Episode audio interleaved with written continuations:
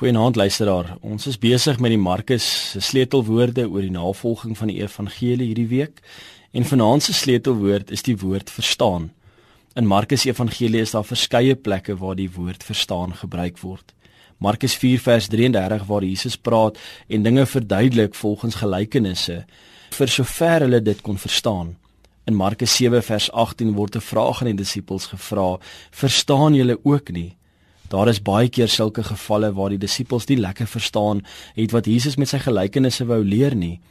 Wat ek in die tekste en en met die woord verstaan agterkom is dat hoe meer ons gehoorsaam is aan Jesus, hoe meer sal ons sy boodskap vir ons vandag verstaan.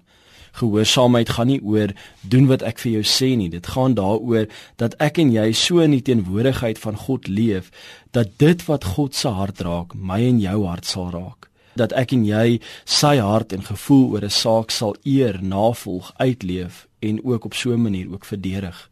Deur bewuslik gehoorsaam aan God te leef, word ons al meer soos Jesus, want ons verstaan wat hy van ons verwag.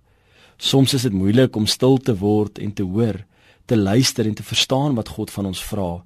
Ons is ons besige lewens eis hy tol en kry ons uh, ons nie die geleentheid nie wanneer ons bewuslik in verhouding saam met God leef, moet ek en jy toelaat dat God ons leer hoe sy hart lyk. Op so 'n manier ontdek ons ook God se hart vir ons as as mens. Gehoorsaamheid ontwikkel en groei as ons daagliks leer om te luister na God met hom met hom stoei oor ons vrae en vrese in die lewe wanneer ons deur deur hom uitgedaag word om te verander en dinge in 'n nuwe lig te sien dit alles gebeur in 'n verhouding met God en om in 'n verhouding met hom te staan. En dit is wat hy van ons vra vir ons vandag. Waarin moet ons vandag gehoorsaam wees? Wat wys die Here dalk vir jou? En wat verhoed ons om by God se hart uit te kom? Mag jy elke dag bewuslik leef om te luister na God se hart en te verstaan wat hy van ons verwag. Lekker aand.